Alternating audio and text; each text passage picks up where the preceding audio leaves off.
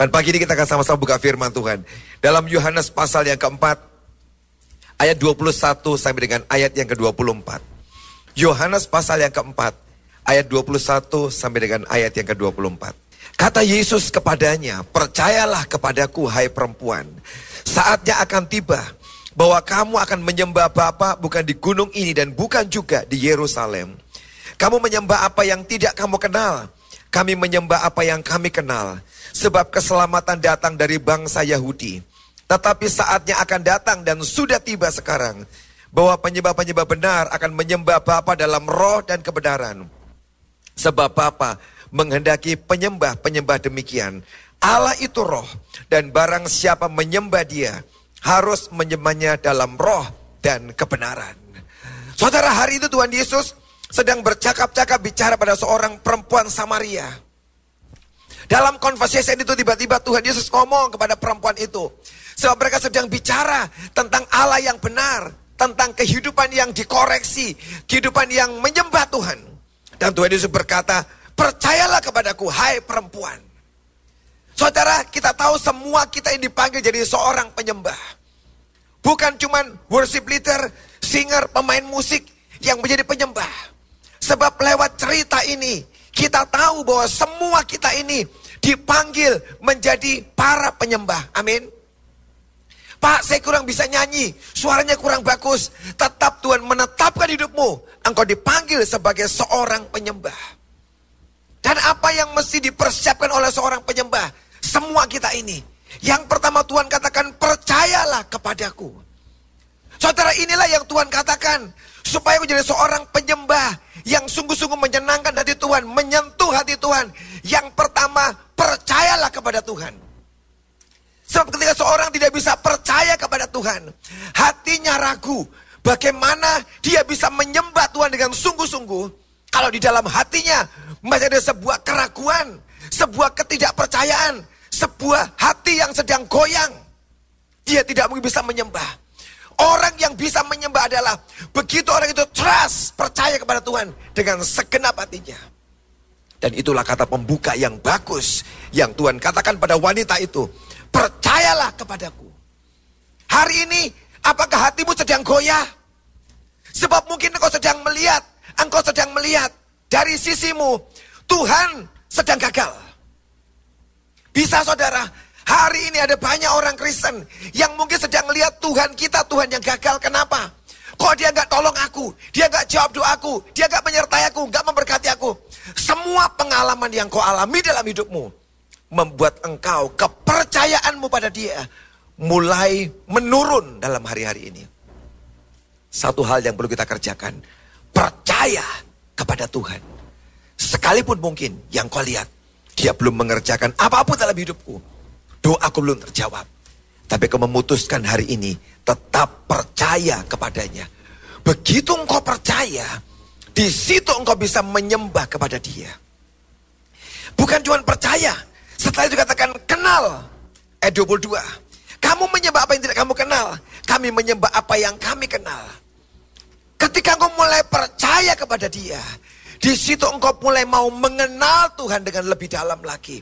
Mengenal dia Begitu kau mengenal dengan dia, nanti dia akan menolong engkau mengalami semua yang luar biasa. Sehingga dulunya kau berpikir dia nggak tolong aku, dia nggak menjawab doaku. Begitu kau mengenal dia, engkau tahu bagaimana caranya menyenangkan hatinya dan memikat hatinya. Sampai semua yang belum engkau alami, nanti akan alami bersama dengan dia. Sebab engkau mengenal dia. Selama youth conference, saya mengalami banyak hal-hal yang luar biasa. Sambil ikut conference, sambil saya khotbah satu sesi, saudara. Saya juga mengalami banyak pengalaman rohani yang luar biasa. Saya bersyukur, saya hampir tiga hari nungguin, hampir. Ada jam-jam tertentu saya mesti pergi karena saya ada khotbah di tempat lain. Tapi selama tiga kali hampir saya nungguin terus. Dan saya senang banget mengalami pelajaran-pelajaran rohani yang sangat bagus, saudara. Selama youth conference. Ketika opening acara ini saudara, saya masih yang khotbah pembukaan. Khotbah pembukaan itu memang tidak selamanya menyenangkan saudara. Memang kelihatannya yang pertama muncul saudara. Tapi jujur sebenarnya itulah saat yang paling sukar. Saat yang paling berat, saat apa? Saat kita itu nomor satu ke depan. Kenapa? Karena kita ini mesti menjebol sesuatu. Mesti jebol sesuatu. Dan ketika saya mulai berkhotbah, waduh saya ngerasain Tuhan. Ini tembok sangat tebal sekali. Karena dari berbagai 45 kota anak-anak datang, yang mungkin tidak biasa bersama dengan kita. Anak-anak yang sangat baru 45 kota datang berbareng-bareng dengan keadaan yang berbeda-beda, dengan persoalan yang berbeda, dengan tekanan yang berbeda, kumpul bareng. Dan Tuhan aku menghadapi tembok yang tebal. Tapi di sini saudara, ketika kau bisa mengenal Tuhan, di situlah selalu ada sebuah jalan dan ada sebuah breakthrough. Bukan cuma di pelayanan, dalam hidup saudara. Saya tahu kadang-kadang kita menghadapi banyak tembok-tembok yang tebal dalam bisnismu, dalam pekerjaanmu, dalam sekolahmu, dalam rumah tanggamu. Ada begitu banyak tembok yang rasanya engkau mau coba dobrak dan berat rasanya. Tapi tiap kali kau mengenal dia saudara, dia akan selalu menolong kau. Memberikan sebuah jalan. Bagaimana caranya menjebol tembok-tembok yang sukar dan tebal itu. Sekian waktu saya nyampein firman. Deng balik, deng. Sampai saya tahu dan dia berkata caranya. Engkau mulai sampaikan satu kata deklarasi. Saya ngomong sama anak, musik. Siap-siap ya. Kalau sewaktu-waktu aku ngomong satu perkataan. Kamu main musik dengan tepat, dengan baik. Mainkan. Kamu ikutin saya. Dan betul di tengah-tengah saya khotbah. Saya ngomong dua kata move sama now. Sebab itulah menjadi tema dari anak-anak ketika mereka buat youth conference. Pertama saya katakan move. Yang main musik, kelenteng, kelenteng. Saya bilang, waduh ini gawat ini kayak gini. Ini dari saya ini. Tapi ketika sudah mulai tiga kali saya yang kedua, yang ketiga mulai jalan terus. Dan tiba-tiba saudara, saya tuh melihat ketika itu perkataan diucapkan. Dan saya berkata anak-anak kita sama-sama mengucapkan. Tiba-tiba saya tahu ada yang sedang dijebol di alam atmosfer. Di alam roh. Saya ngelihat kayak apa saudara? Kayak sebuah bom atom yang dilempar ke sebuah tempat. Boom. Dan ketika itu kata-kata turun move now. Tiba-tiba ada sebuah explosion ledakan yang sangat besar. Yang tiba-tiba turun di tengah-tengah kita. Di tengah semua kebekuan, kesuaman, semua tembok yang tebal. Ketika kata-kata move now diucapkan. Seperti bom atom yang datang boom. Dan itu melepaskan radiasi kekuatannya. Dan tiba-tiba saya tahu. Ada tembok yang mulai retak dan terbuka. Dia katakan ngomong terus. Dan diucapkan berkali-kali. Dan sampai di satu titik saudara. Tiba-tiba itu celah makin gede dan tiba-tiba saya tahu semua tembok-tembok penghalang di hati semua anak-anak muda yang dari berbagai macam kota. Saya tahu itu tembok roboh dan dihancurin. Sebab saya percaya rohnya berkata kenal caranya, kenali aku. Dan akan memberikan way out jalan keluarnya untuk merobohkan tembok-tembok itu. Dan temboknya roboh. Begitu tembok kekerasan itu roboh saudara. Di situlah rohnya bisa kerja dengan sangat ajaib. Dan orang tiba-tiba dijamah, tumbang, dilawat Tuhan. Dengan luar biasa. Dan hari itu kata ke Tuhan. Kami menang hari ini. Kami menang hari yang pertama ini. Di sesi yang pertama. Dan kami lihat di tengah-tengah semua yang berat, yang sukar. Engkau menerobos dengan sangat ajaib. Dengan sangat luar biasa. Orang Israel tidak pernah tahu bagaimana cara merobohkan Jericho. Terlalu tebal, terlalu suka dirobohkan, saudara. Sebab temboknya mungkin 3 atau 4 meter tebalnya. Dua kereta kuda bisa lewat di atasnya. Terlalu tebal dan tidak tahu bagaimana cara merobohkan tembok itu. Tapi hari itu di tengah situasi yang sukar, Tuhan selalu punya cara. Amin. Saudara Jawaban yang bagus hari ini, pengharapan yang bagus mau Tuhan katakan pada pagi hari ini, nubuatnya buat saudara pada pagi hari ini, dia akan bisa menghancurkan semua tembok-tembok setebal apa pun dalam hidup saudara. Amin. Dia bisa, kabar baiknya pagi ini Tuhan bisa merobohkan, menjebol semua tembok-tembok dalam hidup saudara. Amin.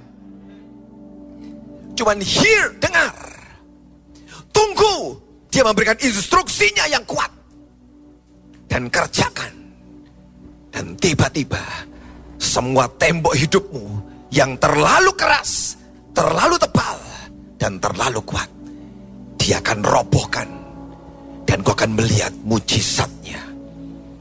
Enam kali dikelilingi. Sepertinya tidak ada apa-apa. Tapi itulah saatnya malaikat-malaikat Tuhan sedang menggoncang tembok yang kuat itu.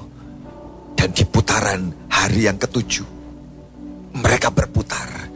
Dan tiba-tiba semua tembok diruntuhkan, dirobohkan, saudara.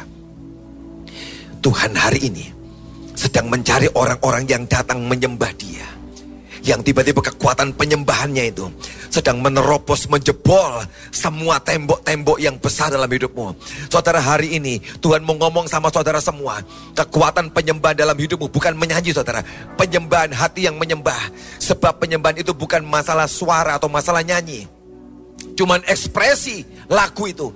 Tapi yang pertama, penyembahan adalah sebuah attitude, sebuah sikap hati kita yang tunduk, yang menyembah, yang mencintai, yang percaya pada Tuhan, yang mengenal Tuhan. Begitu itu adalah bagian kita saudara.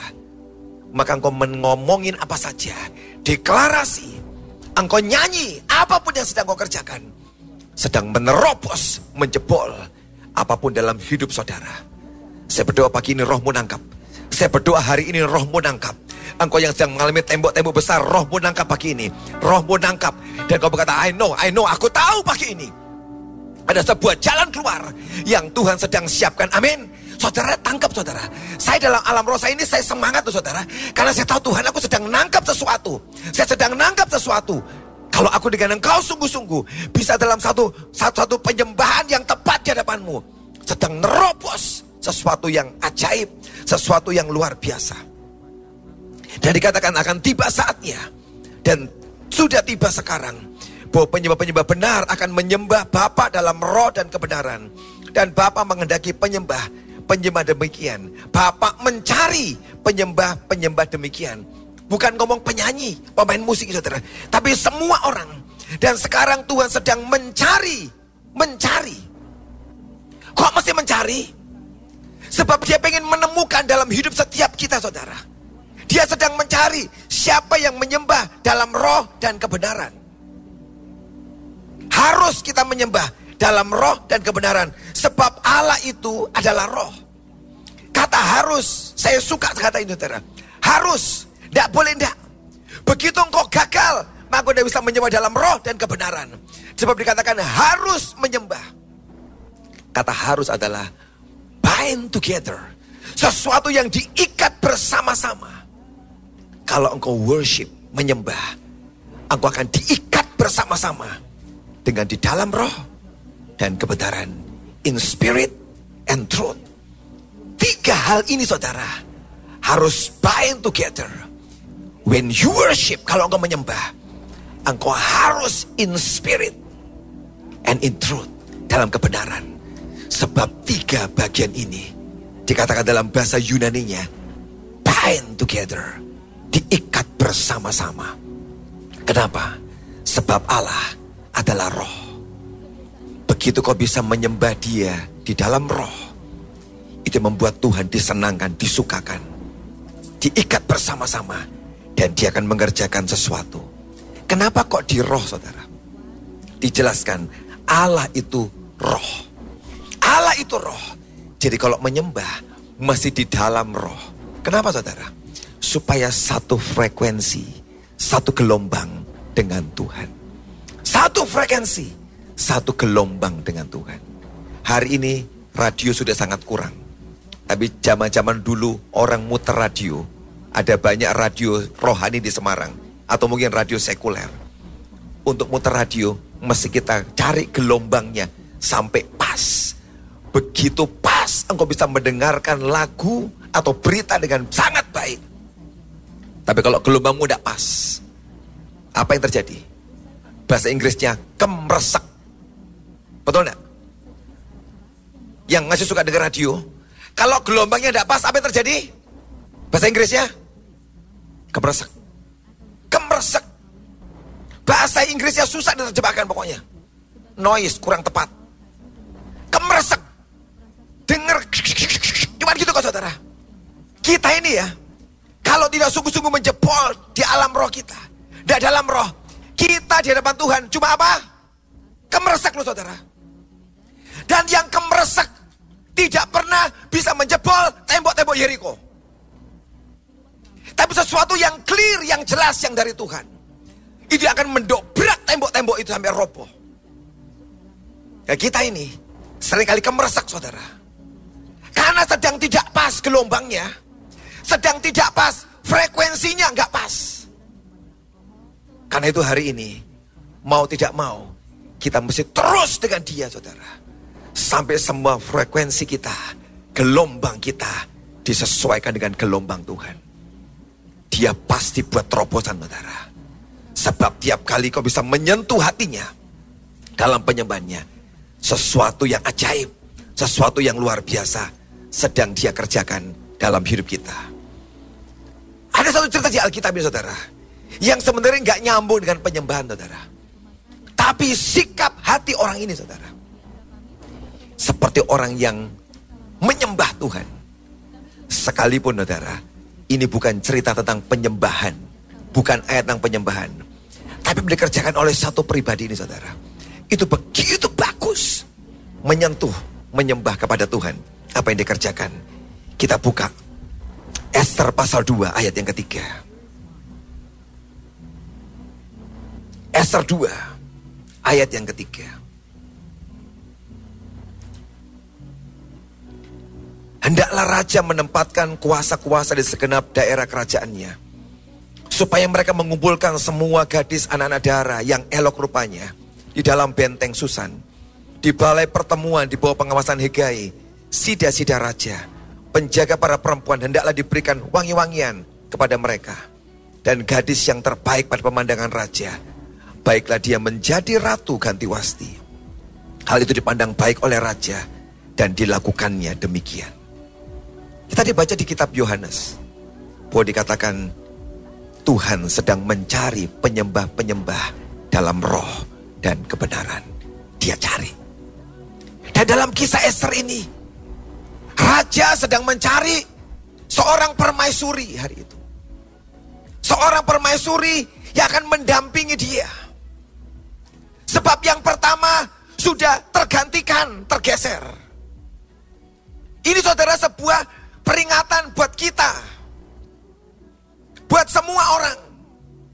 Bahwa kita ini bisa tergantikan loh saudara. Kita bisa tergantikan. Kalau engkau gak bisa sesuai dengan Tuhan. Gak bisa mengenal hatinya. Gak bisa mengerti hatinya. Engkau akan sedang digeser. Ada shifting. Dan dia akan memilih mencari. Orang-orang yang bisa menyembah dia. Di dalam sebuah kebenaran roh dan kebenaran. Wasti sedang tersingkir. Dan hari ini sedang mencari orang lain yang menggantikan posisinya menjadi permaisuri pada hari itu. Tapi yang luar biasa dalam cerita ini saudara. Raja Ahasveros tidak mencari gadis-gadis dari keturunan raja lain atau keturunan bangsawan. Ini cerita agak aneh saudara. Sebab biasanya seorang raja kalau mencari permaisuri, dia akan mencari orang yang punya darah bangsawan dari keturunan raja-raja supaya selevel. Tapi kali itu raja ini mencari semua gadis siapa pun juga. Di seluruh kerajaan, dia tidak pandang bagaimana posisi dan keadaannya. Dia cari siapa saja. Itulah kenapa Esther bisa ikut saudara. Sebab dia cuma seorang buangan. Seorang second class yang tidak mungkin dipilih saudara untuk bisa menjadi permaisuri. Tapi hari itu raja punya keputusan yang lain. Semua boleh, semua boleh. Tuhan mengomong dengan jelas buat sebab kita. Semua kita tidak urusan levelmu seperti apa. Semua boleh menghadap dia dan bertemu dengan dia. Dan hari itu dikumpulkan begitu banyak gadis-gadis. Mungkin ratusan saudara yang dikumpulkan bersama-sama. Tapi saudara, tidak semua akan dipilih. Cuma satu yang dipilih saudara. Siapa yang berkenan kepada raja, itu yang dipilih dan diangkat. siapa yang berkenan kepada raja. Dan hari itu semua gadis-gadis itu mempersiapkan dirinya. Dalam tanda petik saya mengatakan mereka sedang bersaing untuk diperkenan raja. Tapi ini persaingan yang bagus kok saudara. Bukan bersaing untuk menjatuhkan yang lain, bukan. Setiap gadis kira-kira gak kenal satu dengan yang lain. Bagaimana mereka menyiapkan hati mereka. Supaya raja terpikat berkenan kepadaku. Dan itulah yang harus kita kejar dalam hati kita hari ini. Tidak usah bersaing siapa yang lebih hebat. Bukan itu urusannya. Masing-masing kita memperbaiki diri kita. Masing-masing membangun diri kita. Masing-masing serius dengan Tuhan. Dan kau kejar dia.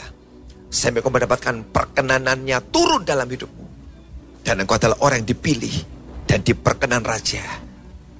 Untuk bisa datang dekat bersama dengan dia. Dan hari itu semua gadis itu berjuang. Bagaimana caranya? Diperkenan raja. Kalau di gereja saudara, ada orang-orang yang cari Tuhan. Ada orang-orang yang puasa. Ada orang-orang yang sungguh-sungguh dengan Tuhan. Ada yang all out buat Tuhan. Saya ingat ada sebuah vibes atau sebuah atmosfer yang sangat bagus di gereja ini saudara. Anak-anak muda dalam tiga hari ini, saya itu kagum melihat mereka. Mereka serve, mereka melayani all out. Mereka melayani sangat luar biasa loh saudara. Dari pagi jam 6 setengah 6 sudah siap di depan. Sampai malam jam 9 setengah 10. Saya tahu mungkin beberapa orang tua komplain. Saya minta maaf.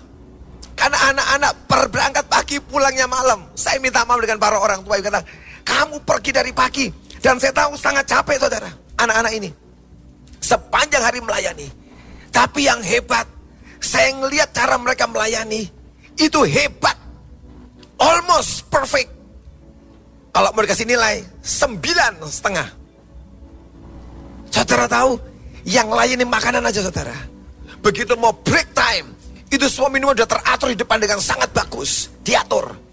Dan ada bagiannya yang angkat apa namanya kelompok-kelompok itu yang nuntun keluar satu persatu tertib 2000 orang kurang lebih bisa diatur dengan tertib dengan ruang sesempit ini saudara 2000 orang bisa diatur flow-nya makannya bagaimana mereka naik ke bus turun dari bus bagaimana mereka makan semua bisa diatur dengan sangat luar biasa.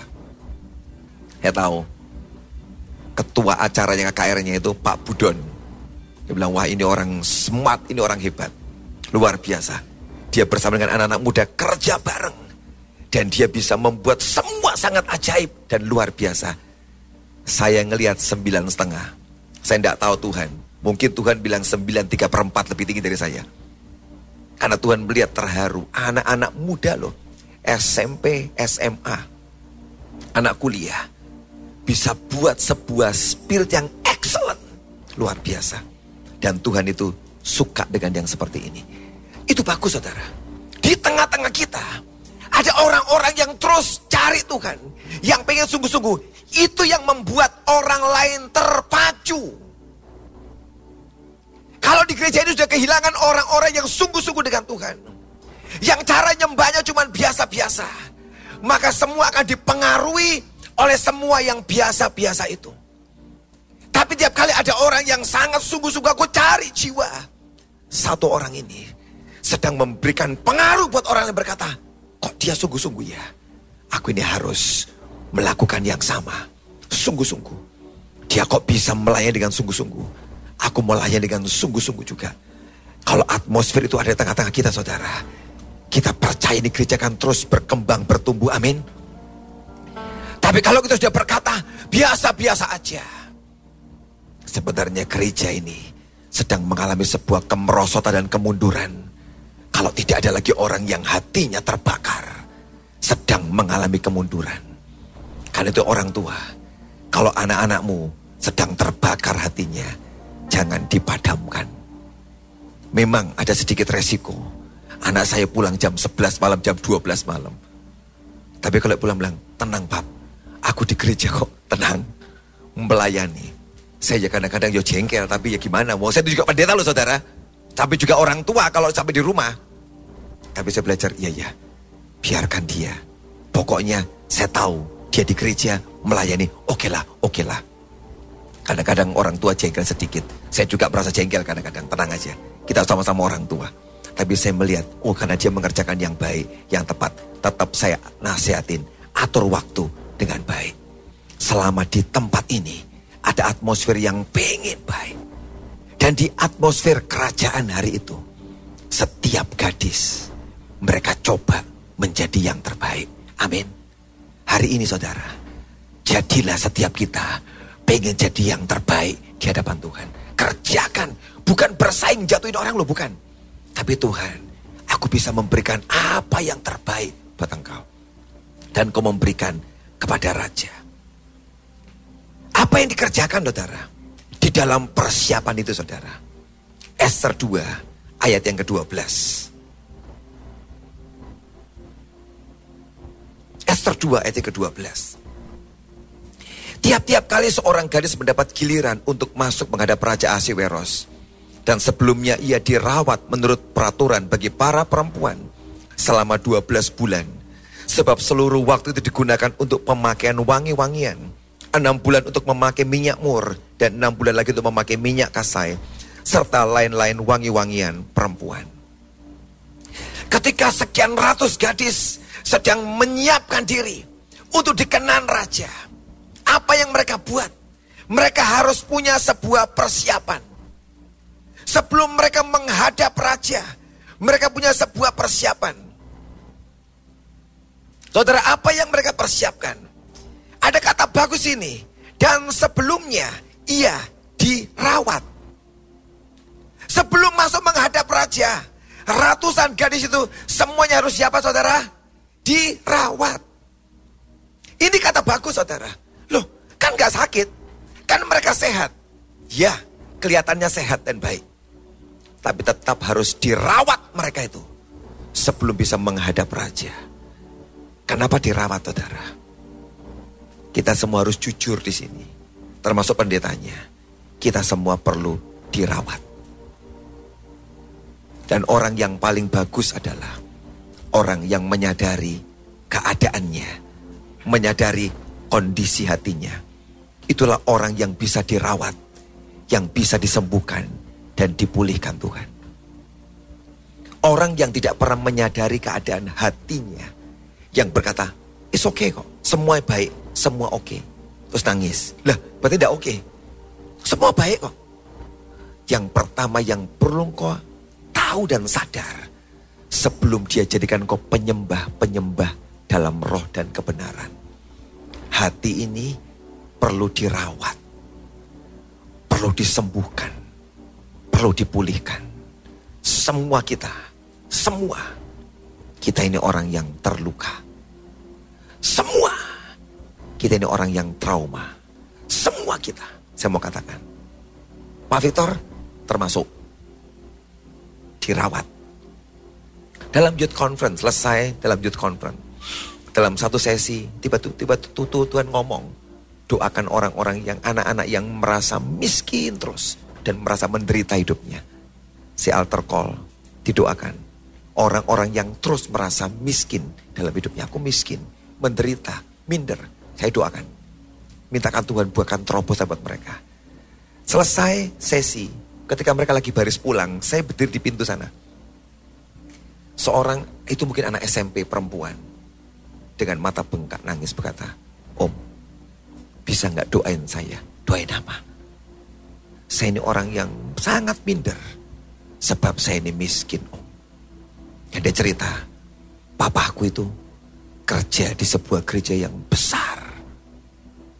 Tapi kami ini sangat miskin. Dan saya gak tahu kenapa. Belakangan ini sangat minder. Bahkan aku tidak punya teman Sebab orang tidak mau berteman sama aku. Dan aku juga sulit berteman. Sebab aku ini miskin. Saudara, ada luka yang besar dalam hidup anak kecil itu saudara. Kalau ini luka tidak dirawat, mau jadi apa saudara? Begitu parah nanti hidupnya. Kalau dia tidak sembuh. Yang ngaku mungkin hari itu satu saudara. Tapi semua kita ini orang-orang yang ada luka dalam hati kita. Betul? Beranikah engkau datang ke Tuhan berkata Tuhan, rawat aku. Nanti dia akan tolong engkau. Menyembuhkan semua yang sedang sakit dan luka. Supaya engkau pulih. Bagaimana cara merawatnya saudara? Berapa lama? Setahun.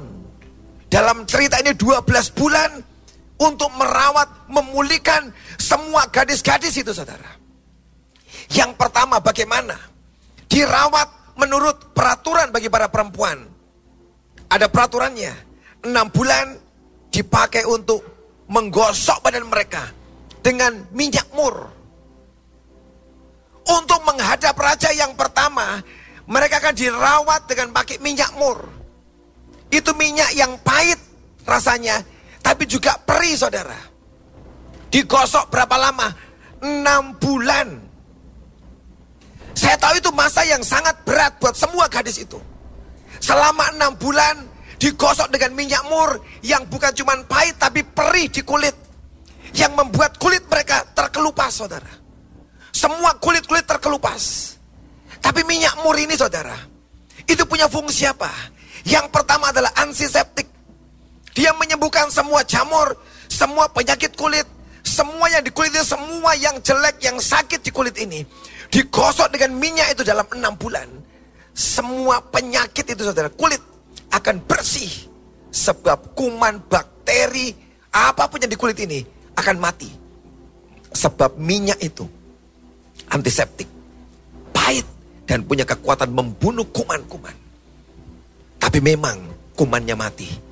Tapi yang digosok badannya dan terkelupas. Sakit gak saudara? Sakit. Enam bulan. Terus. Tapi apa efeknya saudara? Ketika semua kulit di luar ini terkelupas. Yang kotor. Yang ada penyakitnya dikelupas. Bahkan semua goresan-goresan. Bekas luka. Sisa luka. Yang dulunya kelihatan. Dalam enam bulan. Sembuh dan bersih. Minyak mur. Menolong semua bekas-bekas luka. Bersih. Dan kulit para gadis itu mulus dan bersih. Kita perlu digosok minyak mur hidup kita dan hati kita, saudara. Sampai bekas-bekas luka dalam tubuhmu dan hatimu tidak ada lagi. Tapi memang sakit kok saudara. Sebab kulit lapisannya dikelupas satu demi satu. Sampai bersih saudara. Hidup kita itu saudara. Banyak lapisannya. Semua keadaan, pengalaman yang kita alami dalam hidup kita. Yang mungkin belasan tahun untuk yang umur belasan. Puluhan tahun yang udah umur 20-30 tahun. Bahkan banyak 50-an tahun, 60-an, 70-an. Yang udah hidup cukup lama. Lapisanmu itu makin tebal dan makin tebal. Dan tanpa kita sadari, semua lapisan yang nutup hidup kita yang penuh dengan goresan itu saudara. Kita perlu untuk dia menggosok kita dengan minyak mur.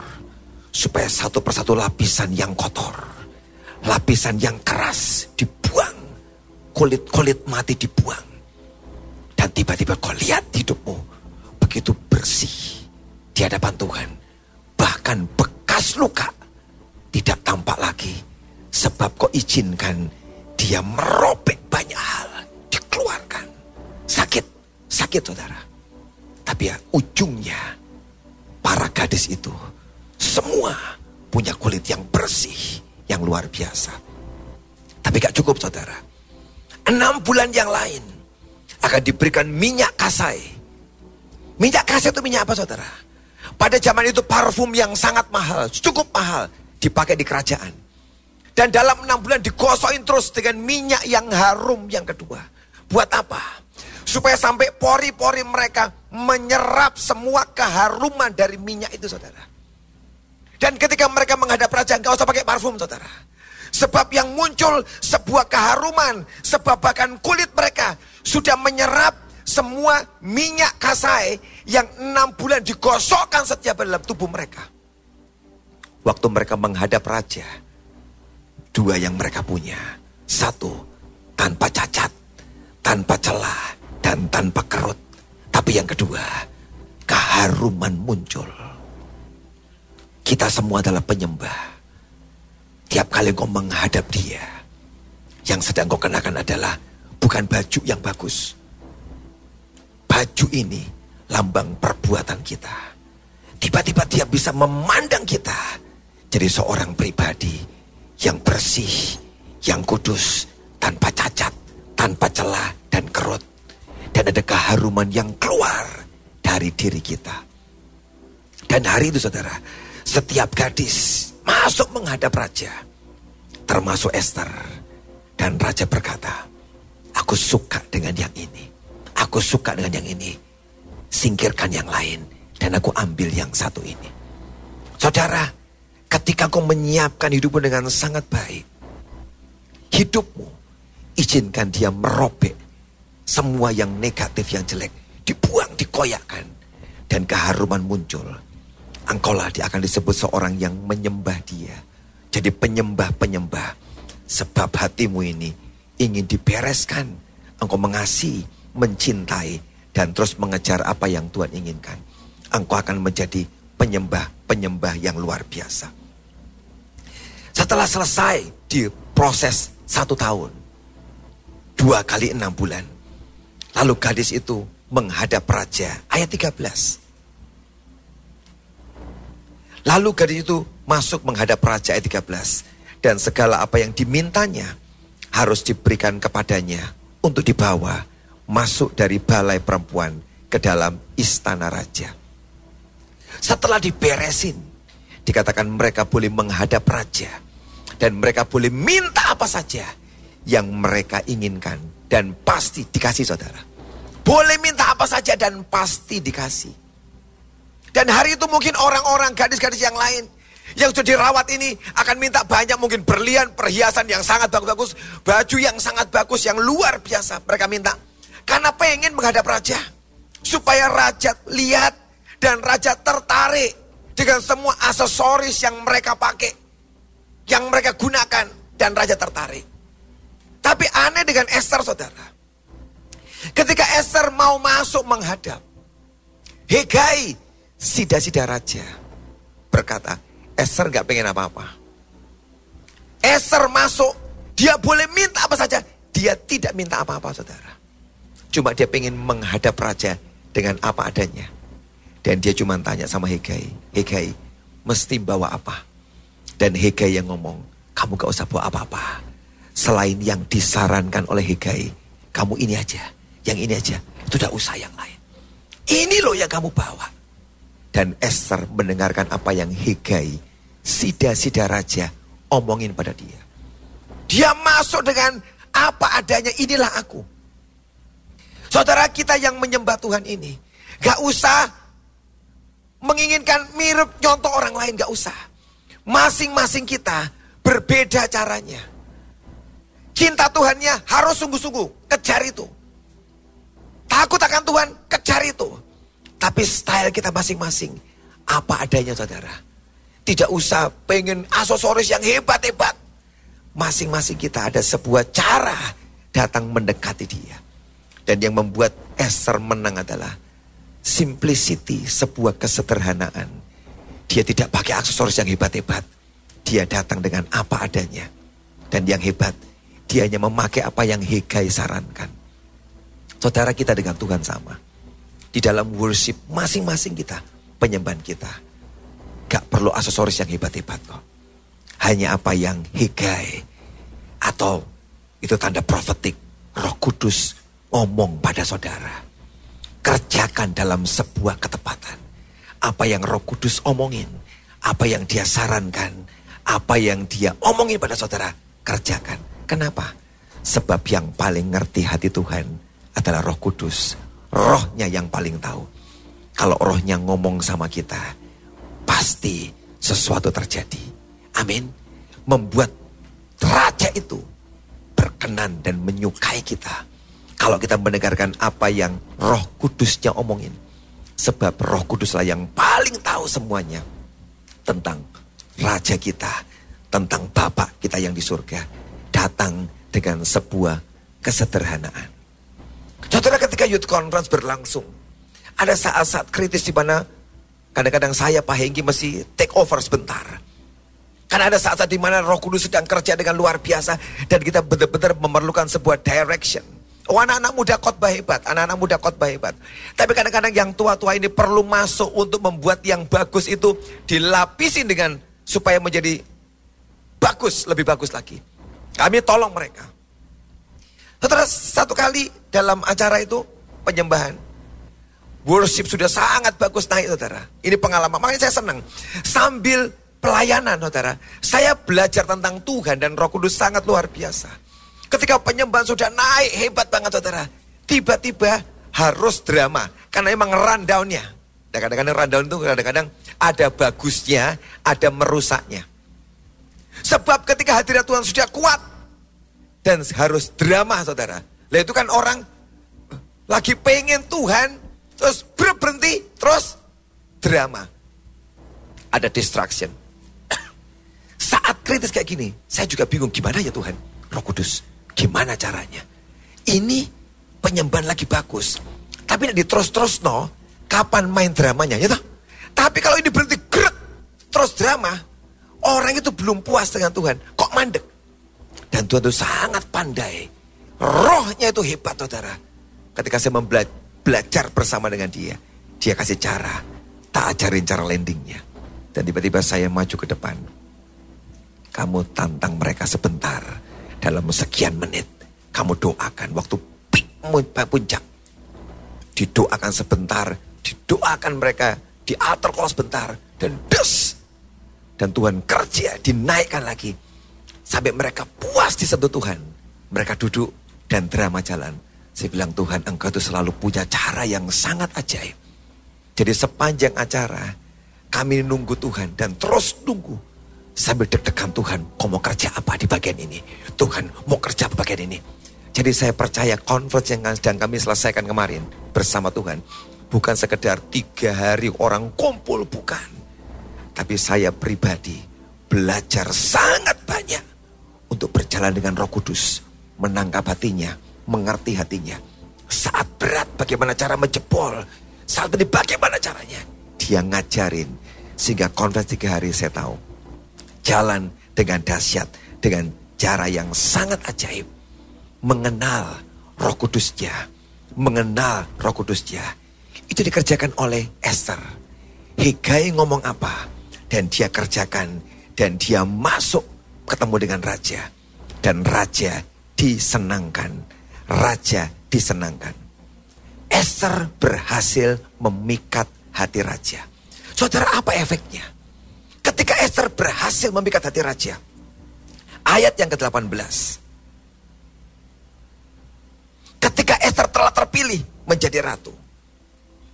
Ayat 17 dulu. Maka Esther dikasih oleh baginda lebih daripada semua perempuan lain. Dan ia beroleh sayang dan kasih baginda lebih dari semua anak darah lain. Saudara, mau gak hari ini? Kita kayak ini saudara. Hidup kita dikasihi oleh raja segala raja. Lebih daripada semua perempuan lain. Amin. Gereja HTE dikasih dicintai lebih daripada semua perempuan lain. Ia beroleh sayang dan kasih baginda lebih daripada semua anak darah lain. Bukankah itu kerinduan kita? Amin. Bukan uang, harta bukan. Kerinduan kita bagaimana kita dicintai beroleh sayang lebih daripada yang lain.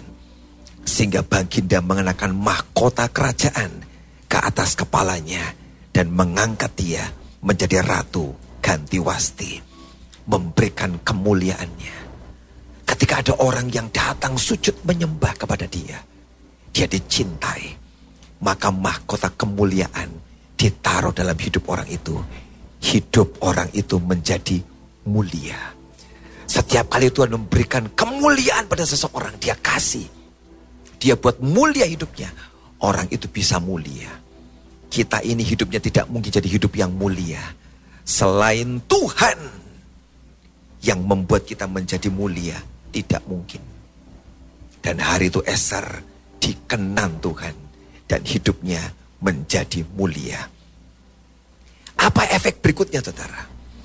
Ketika dia dikenan raja, dicintai dikasih. Ayat 18. Kemudian diadakanlah oleh baginda suatu perjamuan bagi semua pembesar dan pegawainya, yakni perjamuan karena Esther. Ketika Tuhan disenangkan, raja disenangkan, dia akan membuat sebuah jamuan yang luar biasa, sebuah pesta yang luar biasa. Saudara, tiap kali ada orang-orang yang menyentuh hati raja, jangan membuatkan sebuah pesta. Dan baginda menitakan kebebasan pajak bagi daerah-daerah. Bukan cuma dibuatin pesta, dibuat celebration, tapi semua daerah-daerah diumumkan bebas pajak. Saudara ketika kau berhasil menyentuh menyenangkan hati Tuhan. Ada banyak perkara-perkara ajaib yang dia akan kerjakan. Dia akan membuat pesta, membebaskan semua pajak-pajak daerah. Gak mau raja memberikan itu karena itu penghasilan buat raja. Tapi ketika hati disentuh menyenangkan, Esther berhasil menyenangkan dia, dibebaskan. Dan dia mengaruniakan anugerah sebagaimana layak bagi raja. Dia memberikan pemberian-pemberian hadiah-hadiah bagi begitu banyak orang. Kalau kita ini berhasil menyentuh hati raja kita, menyenangkan hati dia, semua ini turun dalam hidup kita dan gereja kita. Amin. Kita jangan dibuat pesta oleh Tuhan. Dibebaskan dari semua pajak. Dan diberikan pemberian-pemberian yang luar biasa. Kalau ada orang yang bisa mengenan hatinya, berkenan di hadapannya. Menyenangkan hatinya.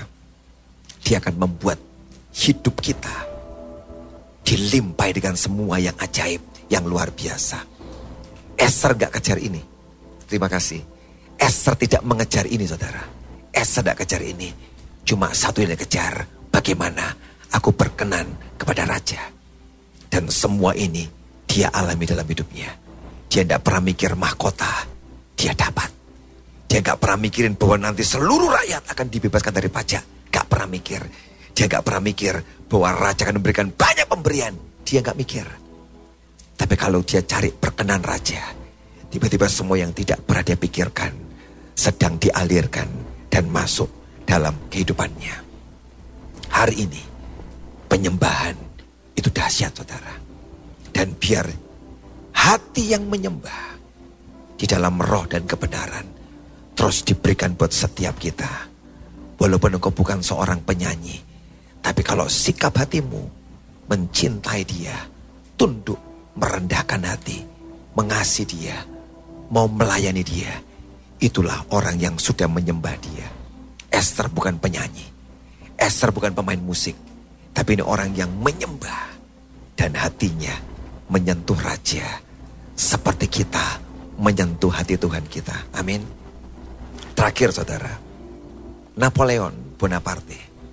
Satu kali dia sedang jalan naik kuda lewati sebuah tempat. Dan ada seorang pengemis yang minta sedekah. Pengemis. Dan apa yang Napoleon buat? dia lempar dua koin emas. Dan dia pergi. Pengawalnya tanya, Tuan, ngapain kamu kasih pengemis itu dua koin emas? Kamu kasih satu koin perak aja sudah lebih dari cukup buat dia. Kok kamu lempar dua koin emas sama dia? Dia nggak perlu banyak kok, cuma buat makan. Napoleon berkata, betul, dia minta berdasarkan yang dia perlu. Tapi aku memberi berdasarkan apa yang aku punya. Saudara, kenapa Napoleon kasih? Sebab buat Napoleon gengsi banget lempar uang perak kecil buat pengemis itu. Dia pemimpin negara. Dia orang hebat, dia kaya. Kalau cuma lempar koin perak, gak seberapa. Dia memberi sebab dia memang mampu. Dia gak urusan dengan kepulauan orang itu kok. Aku memberi berdasarkan apa yang aku punya. Dua koin emas dia lempar. Saudara, kadang-kadang kau minta terlalu kecil. Hanya buat hidupmu dan persoalanmu dan keperluan hidupmu. Raja itu saudara, seperti Ahasveros, dia memberi sesuai dengan kemampuan seorang raja memberi. Ketika Esther memperkenan hatinya, dia beri pemberian-pemberian sesuai dengan kemampuan dan kekayaan raja itu saudara. Raja itu bisa memberi lebih daripada yang kau bayangkan dan kau pikirkan, saudara. Amin. Cuma satu yang dia cari. Dia mencari penyembah-penyembah dalam roh dan kebenaran. Kalau dia menemukan di tempat ini, ada begitu banyak yang surga akan beri buat kita. Salurkan. Sebab buat surga itu nggak seberapa. Buat kita sangat banyak. Buat surga tidak seberapa. Hari ini nggak usah kejar itunya. Kejar memperkenan hati sang raja. Amin.